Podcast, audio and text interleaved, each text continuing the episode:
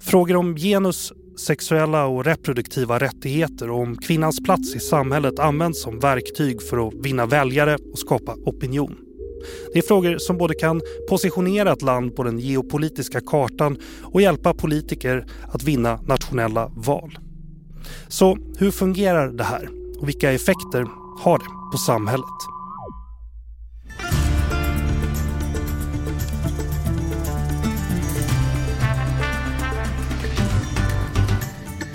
Du lyssnar på Utrikespolitiska institutets podd Utblick och jag heter Jonas Lövenberg. Vurmen för traditionella värderingar tillsammans med motståndet mot hbtq-personers och kvinnors rättigheter har återigen blivit populära talepunkter hos högerpolitiker världen över. Och för att hjälpa mig och er att förstå det här bättre, vad det är som egentligen pågår, så har jag med mig Jennifer Bergman, forskningssamordnare på UI och programsamordnare på UIs program för global politik och säkerhet. Välkommen Jennifer! Tack så mycket, kul att vara här. Jättekul att ha dig här. Ni har så långa titlar, nu kommer en till strax här. och eh, Emil Edenborg, associerad forskare på UIs program för global politik och säkerhet. Och en biträdande lektor på institutionen för etnologi, religionshistoria och genusvetenskap på Stockholms universitet. Välkommen tillbaka Emil! Tack! Roligt att vara här igen. Ja, är det här tredje gången vi gör det här tror jag? Ja. ja fin, fint. Men det har varit lite olika ämnen. Ja, det har, varit, det har det varit. Men som, som vi alltid gör i Utblick så ska vi börja med att försöka reda ut lite begrepp och idéer för att skapa kontext. Och ett begrepp jag tänkte vi skulle börja med är manosfären. Vad är det för någonting? Jennifer? Ja, Okej, okay. ska vi försöka sammanfatta det här utan att ta alldeles för lång tid? Ja, det låter bra. Men manosfären är ett ord som används för att beskriva ett slags löst nätverk av olika grupper som växte fram på 90-talet, 00-talet med liksom början av internet. Så de existerar primärt på nätet i olika plattformar, till exempel Flashback. I USA vad har vi Reddit, 4chan och eh, grupperna är så som incels. Om man ska beskriva det så är det involuntarily celibate. Och det finns men's rights activists, det finns pickup artists. Så alla grupper har ganska olika liksom, mål. Så incels är folk som, som känner att de är i celibat men de, de har inte valt det själva utan samhället har satt dem i den situationen. Och sen pick-up artists säger sig själv där lite. De är väldigt fokuserade av att liksom pick, pick up girls. Ja, ragga brudar. Ragga brudar. Ja. Ja, men tänk liksom The Game, den gamla ja. boken du vet som var väldigt trendig ett tag. Mm. Eh, och sen så finns det också Fathers Rights Activists som tycker att liksom systemet är riktat mot mödrar och det pappor hamnar liksom i en utsatt position. Det finns Men going their own way, vilket är en ganska intressant grupp. Så det är de liksom tar helt avstånd från kvinnor, vill inte alls umgås med kvinnor i sin vardag och väldigt stolta när de lyckas gå en hel dag utan att ens prata med en kvinna. Så de har ganska olika grader och olika syner men de delar en liksom antifeministisk syn av att jämställdhet har gått för långt och män har nu blivit en utsatt grupp i samhället. Då är det oftast vita män som man pratar om. Och samhället måste, man kan säga på engelska, engelska remaskuliniseras. Så vi okay. måste liksom komma tillbaka till den här traditionella maskulina rollen av alfahanne. Ett annat begrepp här som, som vi kommer komma till här det är antigenusrörelsen. Antigenderrörelsen har jag skrivit men antigenusrörelsen på svenska antar jag. Och vad är det för någonting och, och hur ser de stora dragen ut i den här strömningens argumentation, Emil? Ja, men här pratar vi väl om en strömning som har en del gemensamma drag och i vissa fall överlappar med det som Jennifer pratar om, men som delvis också kanske är, eller är ett, ett distinkt fenomen. Det som forskningen eller när forskare pratar om anti-gender movements eller anti-genusrörelsen eller mm. rörelser på svenska, så pratar man om en ny form av motstånd mot sexuella reproduktiva rättigheter, mot jämställdhet som vi har sett växa fram sen någon gång sedan det tidiga 2000-talet runt om i världen.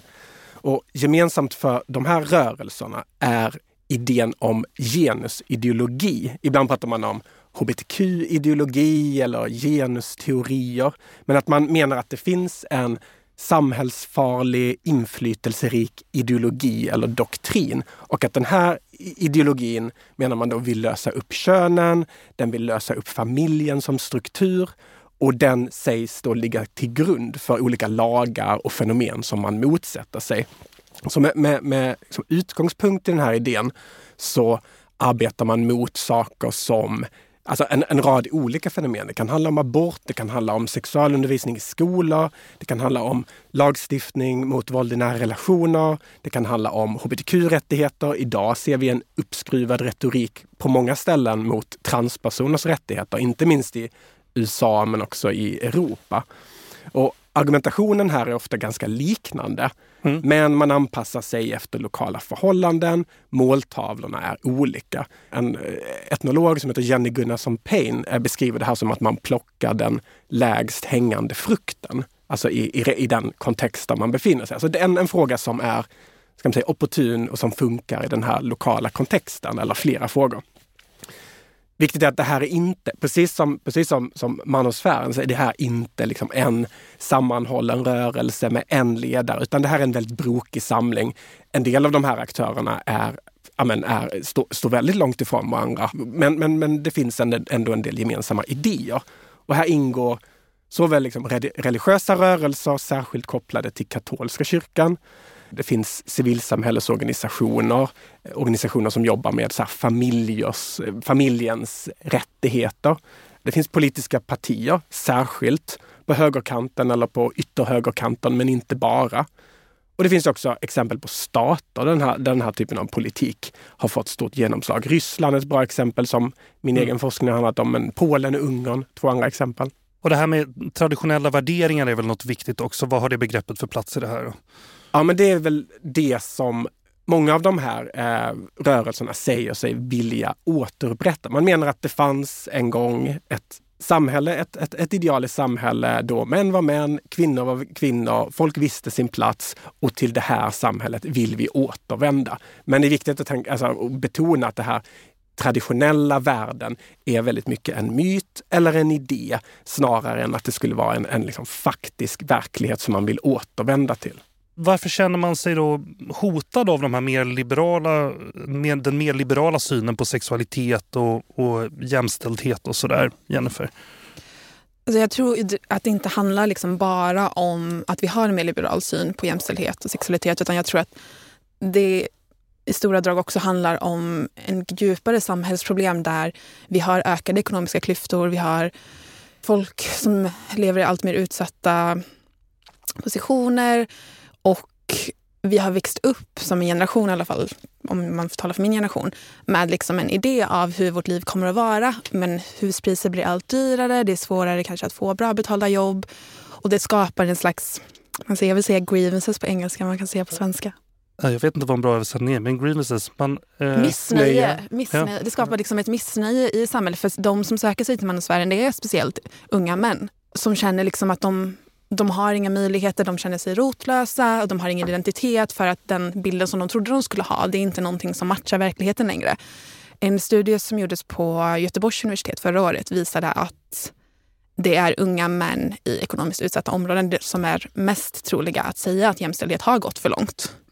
Eh, så det, jag tror det är liksom något slags ihopkok här av när djupare samhällsproblem och samhälls, ja, ojämställdhet, ekonomisk problem möter liksom en väldigt progressiva värderingar inom sexualitet och jämställdhet. För det har gått, liksom, det har gått ganska snabbt med ja. våra rättigheter, vilket man uppskattar. Men det, det kan dra ifrån lite. Så jag tror att vi måste sätta det i ett större kontext för att förstå det. det den, här, den här typen då av, av mer konservativa och kanske antifeministiska idéer har fått större spridning då, som, som du sa Emil, eh, under de senaste två decennierna kanske. Eh, är det här någon bakslagspolitik eh, eller är det någon gammal trend som kommit igen? Vad säger ni om det, Jennifer? Här tror jag att vi inte håller med varandra. Jag vet inte. Jag, jag ser ju det som liksom bakslagspolitik. För, förlåt, vi måste bara förklara. Vad är bakslagspolitik? Ja, bakslagspolitik. Mm. Uh, vet inte om man säger så på svenska. Men, jag vet inte heller nej. riktigt, men det blir så i det här uh, avsnittet. Ja, det blir så. Nej, men backlash politics är en teori kan man säga inom sociologi att när framsteg görs inom mm, så, saker som jämställdhet, eh, eller framsteg görs för marginaliserade grupper kanske man kan säga mm. i stora drag så kommer det liksom alltid följas av ett bakslag. Mm. Folk som inte håller med, folk som känner att deras rättigheter har tagits ifrån dem. Man pratar väldigt mycket om det här till exempel i, i presidentskapet i USA, att det ofta rör sig i cyklar. Liksom. När du får en progressiv president som vi såg med Obama så följs ofta det av ett konservativt backlash. Men det här funkar då också liksom i större samhällstrender så som när vi haft mer jämställdhet så kommer det komma ett backlash. Så jag personligen ser det här lite som ett bakslag från metoo-rörelsen. Och jag tror att det, liksom, det, rör sig, det här har liksom pågått i generationer, att de har all, alltid varit en grej. Så. Vad, vad säger du Emil? Ja, nej, jag, jag, jag håller med om det du säger här mm. och jag tror absolut att den, alltså den analysen är viktig. Jag är inte säker på att den funkar överallt. Jag är inte säker på att liksom, begreppet bakslag eller backlash funkar så himla bra om vi använder det här i någon sorts global bemärkelse. Det finns en, en, en, en liksom diskussioner bland forskare om just det här begreppet backlash. Vissa menar att det, att det är utmärkt, andra menar att det har problem, särskilt om man använder det på en global nivå. Och ett problem då som förs fram ibland är att det utgår från en ganska västcentrisk värld eller, eller, eller världssyn där vi har sett, alltså, då kan, alltså där man utgår från att det har skett en massa framsteg, det har kommit en massa lagar och kommit en massa rättigheter och nu ser vi en liksom, reaktion på dem. Och det funkar utmärkt. Alltså om man tittar på ett exempel som USA där eh, aborträtten idag hotas eller har, liksom, håller på att nedmonteras. Det är ju verkligen ett utmärkt exempel på en sån här bakslagspolitik. Men om man tittar på, eller särskilt om man tittar på det här fenomenet som jag pratade om med antigenusrörelser, så är det ofta så att i många av de här kontexterna där det här tidigt har växt fram, kanske man att om Ryssland eller av Östeuropa, så har det inte funnits de här rörelserna, eller de här, de här rättigheterna, åtminstone inte alls i den. Det har inte alls skett den här snabba utvecklingen. Och att det blir lite konstigt om man skulle prata om så här attackerna mot hbtq-personers rättigheter i Ryssland som, ett, som en backlash. För det har helt enkelt aldrig funnits några rättigheter. Det har inte funnits någon stark synlig rörelse att, att reagera mot. Och samma sak om man skulle prata om så här, attackerna mot, mot hbtq-personer i Afrika söder om, om, om, Sahara. Det här är liksom inte platser där det har funnits starka rättigheter. Det har inte funnits samkönade äktenskap eller något sånt att reagera på. Utan här verkar det också vara något annat i görningen. Alltså hur de här hatet och attackerna blir en sorts en symbolpolitik där de här fenomenen som till exempel samkönade äktenskap eller, eller transrättigheter får beteckna någonting annat. Alltså att det här är en reaktion mot någonting större eller kanske en del av en del av en sorts, om man tittar på Ryssland, verkligen ett, ett illiberalt projekt, en illiberal auktoritär samhällsomvandling där genus är en viktig beståndsdel, alltså genussexualitet är en viktig beståndsdel, men den är inte den enda. Alltså där, där um, den här, liksom, det här försvaret för en traditionell könsordning ses som någonting grundläggande för det här samhället som man vill skapa med ordning, hierarki, alla vet sin naturliga plats. Och där tänker jag i de sammanhangen så blir det mindre meningsfullt kanske att prata om en backlash eller ett bakslag. Det kan jag verkligen köpa. Ja, vad spännande.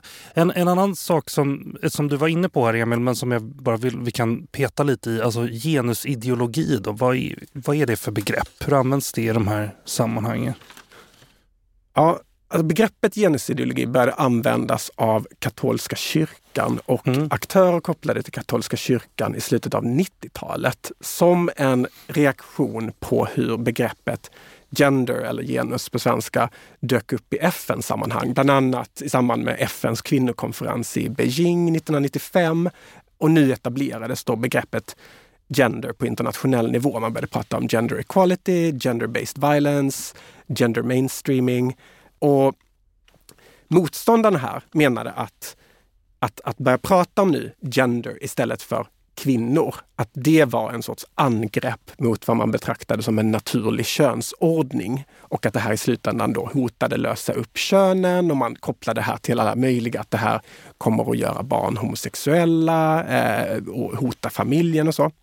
Så att då ser vi det här begreppet liksom etableras.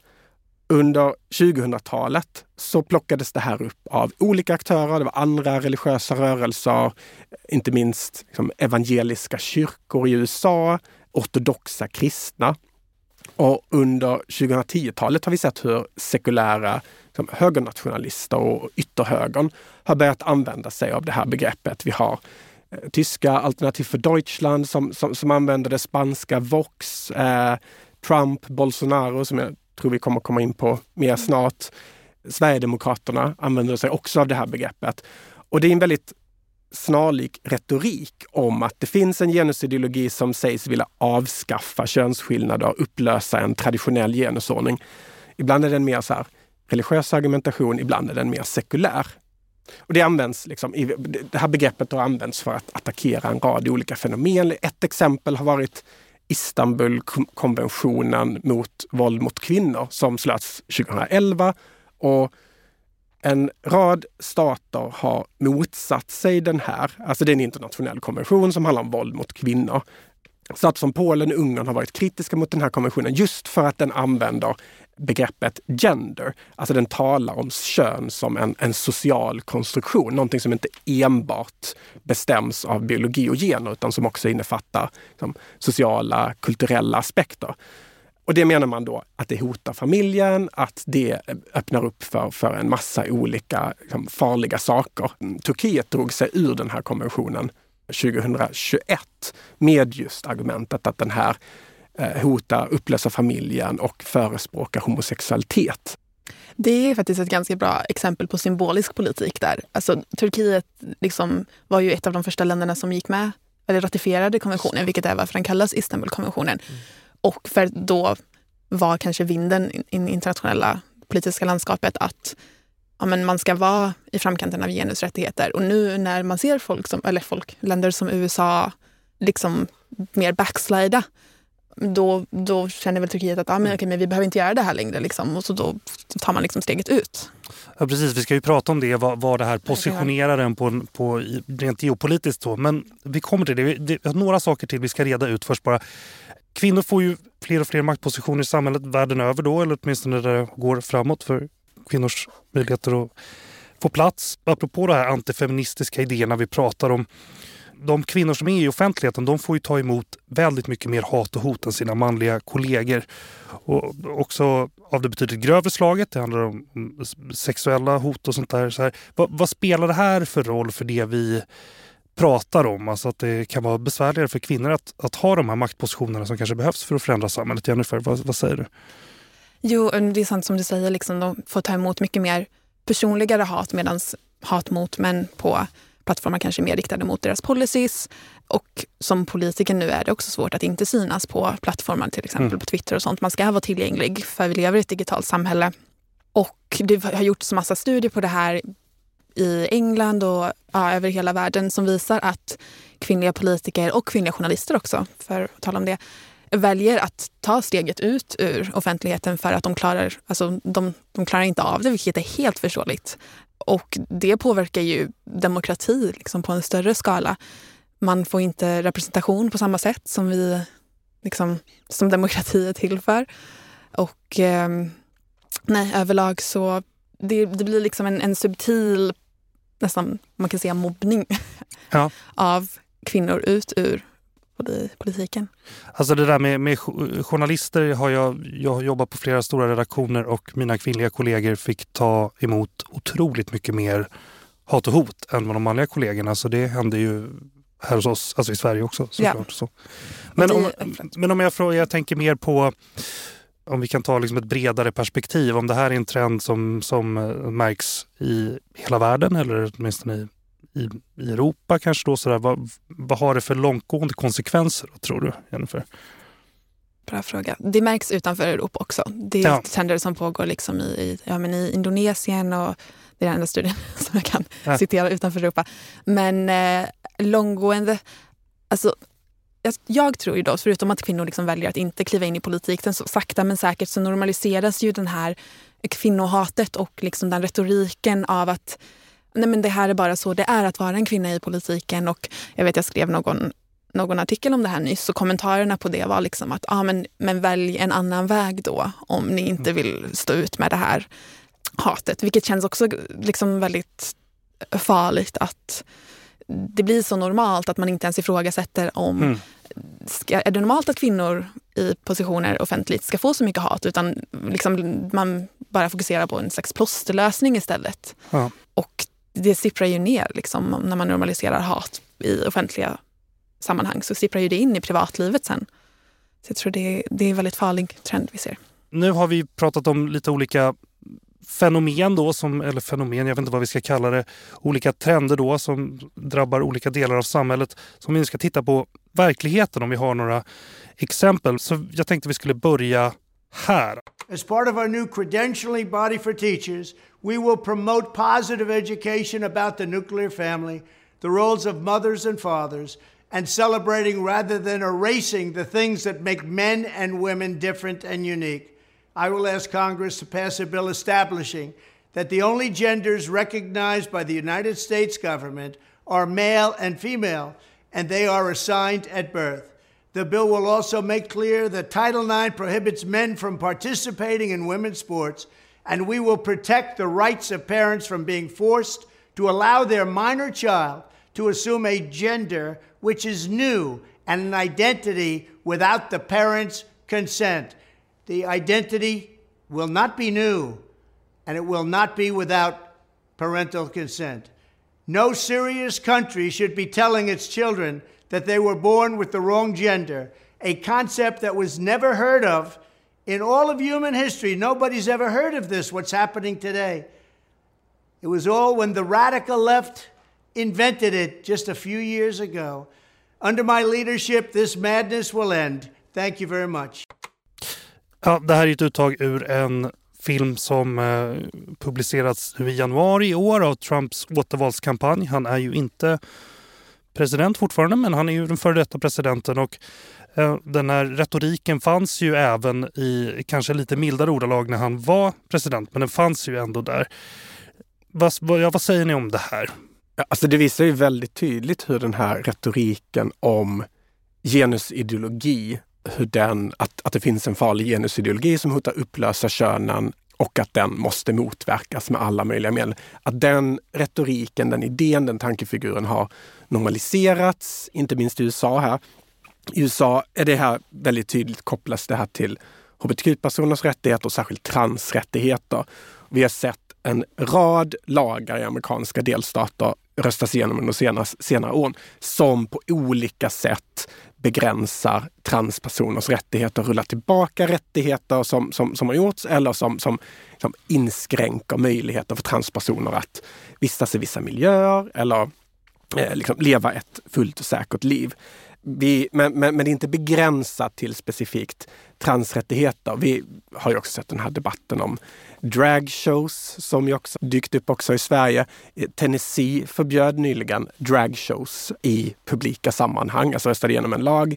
Den är just nu stoppad av en, av en domare, så nu är den, nu är den liksom i någon sorts limbo.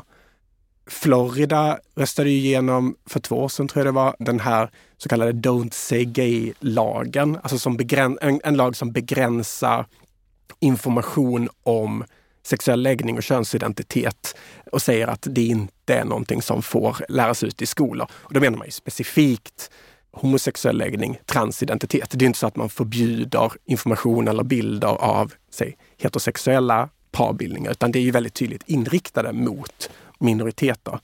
Och argumentet här är i samtliga fall att barn måste skyddas mot den här farliga genusideologin. Så just barnet här är verkligen det blev verkligen en symbol för det oskyldiga barnet måste skyddas mot de här farliga idéerna. Men vad säger du Jennifer? Vad tänker du när du hör Trump? Mina första reaktioner är ju verkligen att han är en fruktansvärt dålig talare. okay. ja. Ja. Uh, nej, men jag håller nog med, med det Emil säger där. Liksom att hur, jag tycker att hans retorik har blivit mycket, mycket mer extrem den här liksom, gången runt. Och det är ju så såna här grejer funkar. Liksom, att man, det, det smyger sig på, det normaliseras. Folk blir, ja, men de blir vana av att höra honom säga liksom, grab, some, grab someone by the... Mm. Mm. Ska inte säga, blipa mig. Ja. Eh, och sen liksom tar man det ett steg längre. Och, och det här liksom som du säger, att man drar in barnet och att man drar in liksom utbildningen för att på så sätt kunna liksom men knyta det till, man, man gör det till något slags hot på något sätt. Och det har vi också sett i, i England nu så är det um, faktiskt en förälder som har dragit det här till domstol för att hon tycker att skolor lär ut genusideologi och sexualundervisning i England. Så vi ser liksom att det inte bara är isolerat till USA utan det sker runt om i världen. Det sprider sig, mm. men det är också intressant på hur det knyts till man liksom, att man centrar det runt barnet. Det kommer ju tillbaka till de här traditionella värderingarna och att man vill liksom värna om kärnfamiljen. Vi måste värna om våra barn. Mm. Och barnet blir ju här alltså verkligen här symbolen för framtiden. Ba våra barn är vår framtid. Ja. Och därmed blir det också liksom nationens, samhällets, civilisationens framtid mm. som står på spel här. Och ett motargument som folk har mot det är väl liksom att att högern eller ja, republikanerna i USA är väldigt glada i att inte förbjuda vapen som hotar barn så mycket mer än vad den vanligaste, den vanligaste dödsorsaken för barn. Exakt. Ja. Så, så vad handlar det om egentligen? Liksom? Ja, precis. Och det är väl det som också är intressant med att det här är Trumps återvalskampanj och att just retoriken har skruvats upp. Säger det någonting om när man använder de här typen av argument? Vad tror ni? Om vi tänker på dem mer som en politisk strategi så tycker jag absolut att det, det säger ganska mycket. Det blir ofta mer intensivt i valperioder för att man ser det som någon slags ja, men signalpolitik för att du har den här stora väljarskaran, det var det jag pratade lite om innan, att det finns en sån stor grupp av folk som känner att samhället drar ifrån dem. De, de känner sig de har inga möjligheter, den här missnöjet som växer. Man vill ha någonting externt kanske att skylla på. Ja, men okej, men då kommer Trump här och pratar om vi måste gå tillbaka till så som det var innan, vi måste värna om kärnfamiljen, det här har gått för långt. Och så sitter man där hemma och känner bara, jo men det, det har nog gått för långt, jag hade det bättre innan, jag hade mer möjligheter, jag borde nog rösta på honom. Och det, det här går ju verkligen, alltså funkar ju väldigt bra med en populistisk strategi. Alltså att de här, de här som använder sig av den här retoriken säger sig står på vanligt folks sida. Vi, vi, står på det sunda förnuftets sida. Var och en vet ju att det förhåller sig så här med män och kvinnor och att de som då sägs sprida genusideologi beskrivs som någon sorts världsfrånvänd, farlig, woke elit som inte har någon kontakt med verkligheten. Så det blir verkligen den här klyftan mellan folkets försvarare och någon sorts diffus elit. Mm. Men och vad händer då när presidenter eller framstående politiker politiska ledare använder den här retoriken så öppet? Då? Hur påverkar det hela samhällsklimatet tror ni? Och nu kommer jag tillbaka till det här ordet som jag nämner om och om igen, men normalisera. Ja. Alltså det, om man ser någon i en maktposition och i en väldigt inflytelserik position använda sig av det här språket, det blir ju, man blir ju om du blir utsatt för det om och om igen så slutar du ju tycka att det är något kontroversiellt till slut. Utan du tänker mm. bara, okej okay, men det är bara så han är. Och det är bara så de är. Men det är ju en alltså, trickle down effekt. Det blir ju mer och mer vanligt. Och Incelforum, nu har vi ja, kommit tillbaka till det. Mm. De, pratar ju, de plockar ju ofta upp grejer som liksom Trump eller Viktor Orban har sagt eh, och liksom ser dem som någon slags figur som då står upp för dem och liksom, okej, okay, kolla, det finns någon som representerar oss i det högsta office i världen. Det är liksom vi, vad vi gör blir slags rätt på något sätt. Då. Ja, ja. Man får någon bekräftelse eller så. Ja men exakt ja. och det blir någon, någon ond feedback loop när de ser det i politisk, politiska sfärer och tänker okej okay, men och det liksom ger, ger energi till dem och de tänker okej okay, men vi representeras, vi är på rätt väg samtidigt som politiska figurer använder sig av sån retorik även om de kanske inte tror på det för att dra på de här människorna och få deras stöd. Mm. Så det blir ja, men som någon slags ond cirkel. Emil, i en artikel du har skrivit på det här ämnet så använder du en formulering som är global konservativ mobilisering. Vad betyder det? Ja, men det som jag vill peka på här mm. eh, och som också andra eh, forskare pekar på är just det globala eller det transnationella som finns i det här. Och vi har ju redan pratat om att det sker någon sorts idéspridning, att samma tankefigurer dyker upp på olika ställen. Det ja, men, som den här debatten om, om dragqueens som läser sagor för barn. Tydlig import från det amerikanska kulturkriget eh, som dyker upp i Sverige. Och det kan vi se en rad exempel på identiska idéer dyker upp. Så det pågår en idéspridning.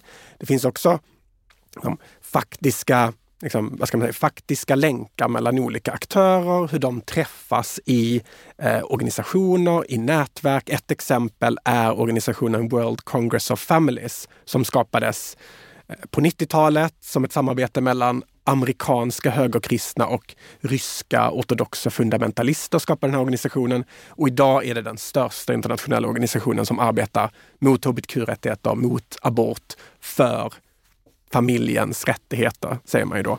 Och idag ser vi hur den samlar kristna av olika slag, alltså katolska, ortodoxa, evangeliska grupper, men också sekulära högernationalister. Så, till exempel Viktor Orbán, eh, Salvini i Italien har varit inblandade i den här organisationen.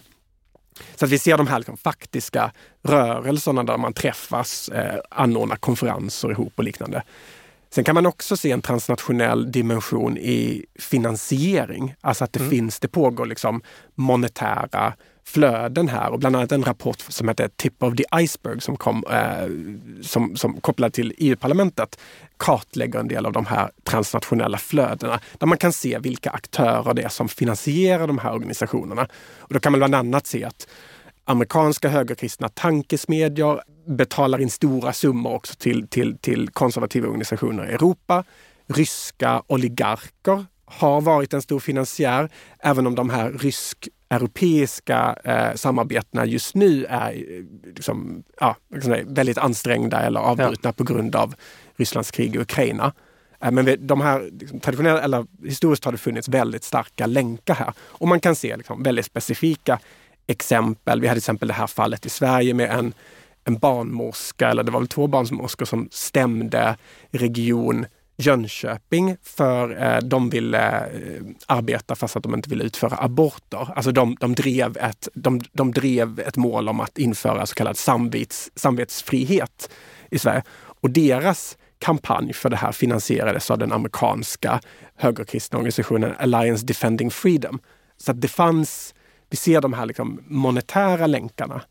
Ett annat exempel är hur högerkristna organisationer sprider hatpropaganda mot hbtq-personer i Afrika söder om Sahara. Så till exempel i Uganda som just nu är väldigt omtalat för att man eh, håller på att införa en väldigt, ja, men en, en, en, en, en väldigt hård eh, lagstiftning mot hbtq-personer. Där har amerikanska högerkristna nätverk och kyrkor varit väldigt, väldigt aktiva och samarbetat med lokala politiker och lokala kyrkor. Så man ser de här transnationella länkarna och nätverken. En annan sak, den här artikeln som du har skrivit den handlar ju om att den här typen av politik som vi pratar om förs i Ryssland. Och kan du kort berätta om utvecklingen i Ryssland och hur det har blivit en fråga om kanske öst och väst? Här? Ja, Ryssland har ju varit en på vissa sätt en sorts föregångare för den här politiken. Alltså där man ganska tidigt, idén om traditionella familjevärden blev en sorts statspolitik. Man brukar prata om 2012 som en sorts vattendelare då den här idén om att traditionella värden måste värnas av staten då det blev en, en liksom, officiell politik. Man förbjöd, man eh, klubbade en lag 2013 om att förbjuda så kallad homosexuell propaganda riktad till barn. Återigen den här idén om att skydda barnet mot farliga idéer om genus och kön. Och det här är någonting som har skruvats upp väldigt mycket de senaste åren. Särskilt efter Rysslands fullskaliga invasion av Ukraina förra året. Den här lagen om homosexuell propaganda skärptes förra året och nu gäller den all form av information som handlar om, som sägs då förespråka icke-traditionella sexuella relationer, oavsett om det riktar sig till barn eller till någon alltså, eller till, till, till eh, någon annan. Så det är en censurlag som förbjuder egentligen alla offentliga uttryck för stöd för hbtq-personers rättigheter. Och viktigt är att det, det här är något som har införlivats väldigt mycket i en geopolitisk berättelse. Om man lyssnar på Putins tal, andra, andra ryska ledares tal, så talas det om, ett, eh, om att väst, Nato, USA för en sorts krig mot Ryssland, både militärt genom Natos expansion, ett ekonomiskt krig, sanktionerna idag, men att det också pågår en sorts moraliskt eller andligt krig och där blir frågor om hbtq-personers rättigheter, kvinnors rättigheter väldigt symboliska. Alltså att man menar att väst vill påtvinga Ryssland samkönade äktenskap, transrättigheter och det här är någonting som Putin i sina tal numera närmast maniskt återkommer till. Eh, frågor om transpersoners rättigheter, samkönade eh, äktenskap och liknande. Så när han pratade på årsdagen av invasionen eh, av Ukraina så nämnde han just, eller så, så pratade han just om, eller återkom han till frågor om samkönade äktenskap. Han pratade om att anglikanska kyrkan diskuterar eh, huruvida Gud är könsneutral och att det här var ett bevis på hur liksom, absurt och hur långt det har gått i väst och att det här är någonting som måste stoppas. Den överhuvudet för rysk-ortodoxa kyrkan Kirill pratade efter invasionen av Ukraina så pratade han, så menade han att det här kriget kan kokas ner till frågan om gayparader. Han menade att väst försöker påtvinga Ukraina eller Donbass eh, att anordna gayparader och att det här, att, att det här egentligen, att, att kriget kan kokas ner till den här frågan. Att Ryssland måste försvara dem? För ja. ja. Om vi vänder oss mot Ukraina då, vad, vad, har de här frågorna för betydelse i ett land i, i Ukraina nu då? Mm. Ja, men det kan man se hur frågor om hbtq-personers rättigheter har geopolitiserats, alltså verkligen så införlivas i en geopolitisk berättelse. Ukraina har knappast varit ett land som har varit i framkanten när det kommer till hbtq-rättigheter. Nej. Vare sig om vi pratar om folkopinion eller om vi pratar om, om politiker och partier och lagstiftning. Men eftersom Ryssland så tydligt kopplar sin geopolitiska ideologi och att eh, frågor om genus och, genus och sexualitet är så eh, centrala där, eller är en viktig del av det, så kan man se hur ukrainska politiker har börjat positionera sig mer positivt till hbtq-rättigheter som ett sätt att markera tillhörighet till väst. Eh, och du nämnde Jennifer eh, Turkiet som ett annat sådant exempel där, den här, där man kan se den här liksom symbolpolitiken. Och på vissa sätt Såklart är det positivt för hbtq-personer i Ukraina att om, om det sker en liksom, positiv utveckling där eller en, en, en, progressiv utveckling. Sen finns det också, som jag tycker du pekade på, en, en, en sorts fara i den här geopolitiseringen. Att hbtq-personer riskerar att bli en sorts gisslan. Så i Turkiet, som du sa, alltså när Turkiet vänder sig bort från Europa så blir då också att slå ner mot hbtq-personers rättigheter ett sätt att markera det här avståndet. Eftersom, just eftersom det har blivit en sorts del av paketet att tillhöra väst, europeiska världen. Så det finns en fara i den här geopolitiseringen. Mm. Nu har vi fått några exempel här, men kan vi bara återvända till varför då nationalistiska rörelser är intresserade av de här frågorna? Jennifer, kan du säga något om det? Ja, men, eh, själva konceptet av en nation liksom, är det i, i grunden så innehåller det traditionella värderingar om vad en familj är. Liksom. Män går till krig för att de ska skydda kvinnor och barn. Så när man, när man drar på liksom så här, vi måste värna om vår nation, vi måste värna om vår, ja, men vår stat, då vad man egentligen säger, eller vad, vad jag tycker, liksom, så säger man liksom, okay, men vi måste värna om den här kärnfamiljen, vi måste värna om traditionella värden. Jag håller helt med om den. Liksom. Alltså hur, idéer om mäns särskilda plats och kvinnors särskilda plats har varit inbyggda i nationalistisk ideologi sen, men, som, sedan nationalismen så som vi känner den, alltså ut, utvecklades under 1800-talet i Europa. Och redan då så fanns den här väldigt tydliga bilden av, av att en genusordning och familjen och familjen som en verkligen så hierarkisk organisation där män överhuvud kvinnor är, har den här liksom omsorgsrollen. Att det är en sorts modell eller mikrokosmos av nationen. Mm. Och det är ju det som är liksom ett, en feministisk kritik mot säkerhetspolitik och mot krig. Är att det, liksom, det, det grundar sig i de här könsrollerna. Liksom att det är kvinna och män. När ett samhälle går i krig, eller typ som Sverige, vi liksom börjar förbereda oss för krig, då blir de här värderingarna och tankarna om, om kön. De blir mer cementerade i samhället och det sipprar ut utanför poli politiska sfären. Nu, som sagt, vi har kommit massa exempel här, men finns det några andra exempel på hur det här samlar olika grupper över nationsgränserna. Hur märker man, finns det fler sätt att märka att det här är en internationell fråga? Jennifer? Jag tycker någonting som är viktigt här att, att tänka på, för vi har, så längst upp har vi politiska ledare, längst ner har vi väljare och då jag som då är mer på kanske manosfären, folk som sitter hemma framför datan. Men vad som är viktigt också tror jag att tänka på är liksom länken här emellan och mer som återfinns inom populärkultur. Så vi har eh, figurer som Andrew Tate som eh, fungerar väldigt mycket internationellt. Liksom Youtube, en jätteinternationell plattform. Folk ser honom över hela världen och jag tror att det är också så, så de här idéerna sprids för att politiska ledare kanske inte liksom samtalar med varandra på det sättet men vi måste kolla på länken här emellan. Kort, vem är Andrew Tate? Ja, Andrew Tate, han är en... Uh, oh, jag ska beskriva honom kort. Influencer. Uh, ja, men han är väl en gammal, en gammal wrestler som har liksom blivit en, en influencer, en manfluencer, ja. som du säger. Förespråkar väldigt mycket den här idén av alfahane, män ska liksom vara maskulina. Ja. Han har sin, hade sitt Hustler University av hur man ska liksom, ja. Ja, eh, mycket sportbilar och mycket sportbilar, muskler. Och, ja, väldigt toxic liksom, mm, maskulinitet. Mm. Men sen också kanske lite mer subtilt så har vi figurer som Jordan Peterson som har skrivit den boken 12 livsregler. Jag vet inte om ni mm, nej, ingen, Den var jätte, väldigt, väldigt, väldigt populär för några år sedan. Väldigt liksom mainstream populärt. Men han förespråkar också traditionella värderingar och sån här kanske toxic maskulinitet, depression finns inte, ryck upp dig bara. Och de när liksom sådana idéer kommer in i populärkultur och det når ut till människor, då, då blir det mycket lättare tror jag också att haka på de här politikerna idéer. För att man tänker liksom, ah, men det här har jag ju läst, det här makes sense. Man blir liksom lite som indoktrinerad på det sättet. Men precis, och den här populärkulturen går ju över alla nationsgränser. Exakt. Ja. Exakt.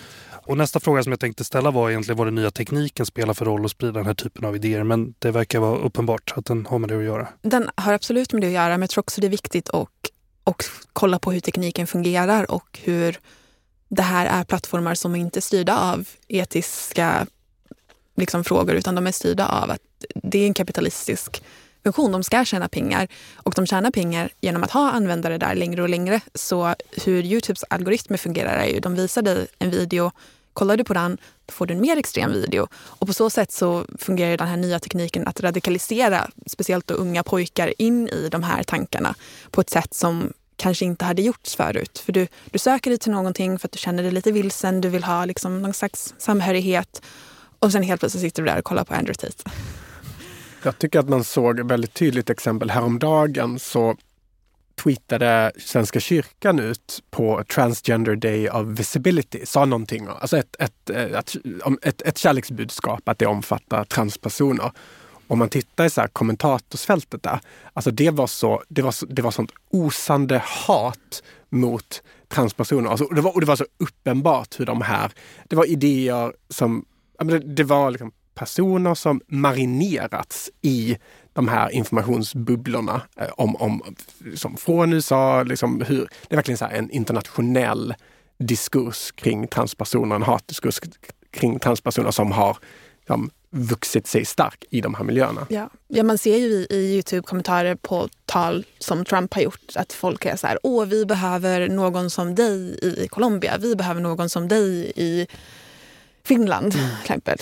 Eh, så det sprider sig absolut, tyvärr. Hörrni, vi eh, har nästan slut på tid här så jag tänkte fråga någonting om framtiden innan vi slutar. Den här ökade vurmen för traditionella värden då, eller värderingar, är det här för att stanna? Vad tror ni? Alltså för överskådlig tid är jag svårt att se att det, att det är på väg att försvinna. Just eftersom det också är, det är inte en flyga, det är inte bara en trend utan att det finns också någon sorts ideologiskt shit här. Alltså mm. hur, ja, men som vi redan har kommit upp, mm. pratat om flera gånger, hur genus är invävd i en större auktoritär, nationalistisk, illiberal ideologi om vilket samhälle man vill vara eller vill ha. Och Därför tror jag väl inte att det, här, att det är på väg att försvinna. Däremot så tror jag inte att, alltså, det finns ju också ett motstånd mot mm. de här idéerna. Mm. Ja, och det är nog det som är fint om vi ska ge positiv spaning också. Att, mm. att, alltså, som jag sa, saker händer i cyklar. Så det kommer ju växa fram mer, nu när det växer fram antifeministiska rörelser så förhoppningsvis så kommer liksom feministiska rörelser att växa som svar på det och utvecklas som svar på det. Men jag tror också som du säger att att det, så länge det är kopplat till ett liksom djupare samhällsproblem och en, och en större fråga så är det tyvärr här för att stanna. Och jag tror också att vi, det är viktigt vi tror när vi lever i ett samhälle med mycket rättigheter och liksom som, är, som är väldigt liberalt, att vi tror att okay, så här har det på något sätt alltid varit. Men det har ju verkligen inte, vi har inte haft rösträtt som kvinnor så länge i Sverige och Europa har inte varit fredligt på så länge. Alltså det, jag tror det är viktigt att kolla till historien och jag pratade med en vän om det här igår. Att, att de här, tänk om de här liberala värdena som vi har haft och liksom den demokratin, tänk om den bara, om det är undantaget från, från normen. Liksom vilket är dock en pessimistisk utsyn. Men eh, ja, nej, vi får se. Förhoppningsvis blir det mer mobilisering mot.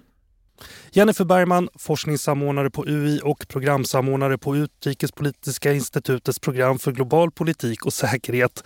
Emil Edenborg, associerad forskare på UIs program för global politik och säkerhet och biträdande lektor på institutionen för etnologi, religionshistoria och genusvetenskap på Stockholms universitet. Tack för att ni kom! Tack för att vi fick komma. Tack så jättemycket. Nu har du lyssnat på Utrikespolitiska institutets podd Utblick. Glöm inte att trycka på prenumerera-knappen i appen där du lyssnar på oss. Om du vill veta mer om UIs forskning och omvärldsbevakning, titta in på ui.se. Vår vignett är komponerad av Frid en Frid. Vi spelar in hos Red Means Go i deras nya fina studio på Kungsholmen här i Stockholm. I kontrollrummet idag sitter Kyle Rosén. Jag heter Jonas Lövenberg. På återhörande.